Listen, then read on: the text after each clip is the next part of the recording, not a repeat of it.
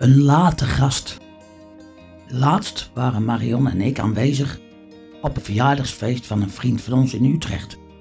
De avond daarvoor hadden wij buiten nog een nachtegaal horen zingen.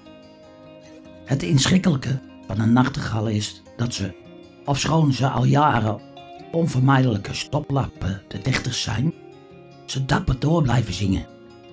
Dat is het voordeel van analfabetisme. Want als ze konden lezen, zouden zij weten dat ze clichés waren en beschamend zwijgen. Maar nu zongen zij voort. Op een verjaardagspartij werd ook veel gezongen. Zij het minder luid en veel later op de avond. Het spookuur was al lang voorbij toen de taxi ons thuis bracht. Marion ging het eerst naar binnen. Ik had moeite met het onderscheiden van een stuiver met een 2-euro-stuk. Hierdoor bleef de deur geruime tijd wijd open staan. Erik van die chauffeur en hij van mij af was.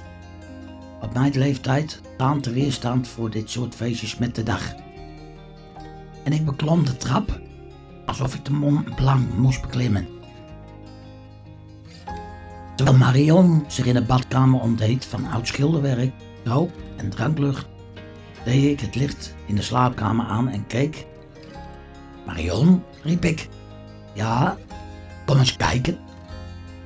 Marion kwam uit de badkamer en vroeg een beetje bits, wat is er dan? Zie jij dat nou ook of ben ik zo lang, vroeg ik. En ik wees naar ons bed. In het midden van ons bed lag een klein hondje die ons met zijn rode ogen en guitige kop aankeek. Een hond? riep Marion verbijsterd. Oké, dan zie je het goed. Ga dan maar weer terug naar de badkamer.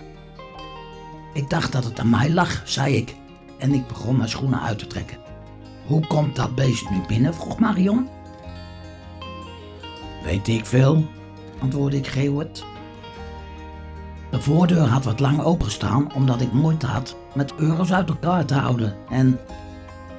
Nou ja, wat doet het er eigenlijk toe? Laat nu maar. Ik was veel te moe voor beslissingen. Marion niet. Ik ga niet met een wildvreemde hond naar bed, zei ze. Meid, ga nou niet lopen zeuren op deze tijd van de dag. Als het nu een of andere gek was, het is een hartstikke mooi en lief beestje. Dat zie je zo. Marion wilde nog protesteren, maar ik gaf duidelijk aan dat ik mijn broek al uit had en niet bij machten was die weer aan te trekken. En dat wij het als dierenliefhebbers niet konden maken dat beestje zomaar weer op straat te zetten. Daarna ging ik naast de hond op bed liggen en viel direct in diepe slaap, zodat ik als discussiepartner uitviel. Toen ik s morgens vroeg opstond, omdat mijn blaas op knappen stond, was het hondje verdwenen. Toen ik de huiskamer inkeek, zat hij op een stoel naar buiten te kijken. Zulke mensen bestaan ook. Zij staan s morgens vroeg op en vinden dan onmiddellijk vertier. Moet jij niet naar huis? vroeg ik. De hond sprong van de stoel en liep richting de voordeur. Toen ik deze geopend had, tilde hij zijn poot op voor zijn ochtendplas en tippelde rustig naar de overkant.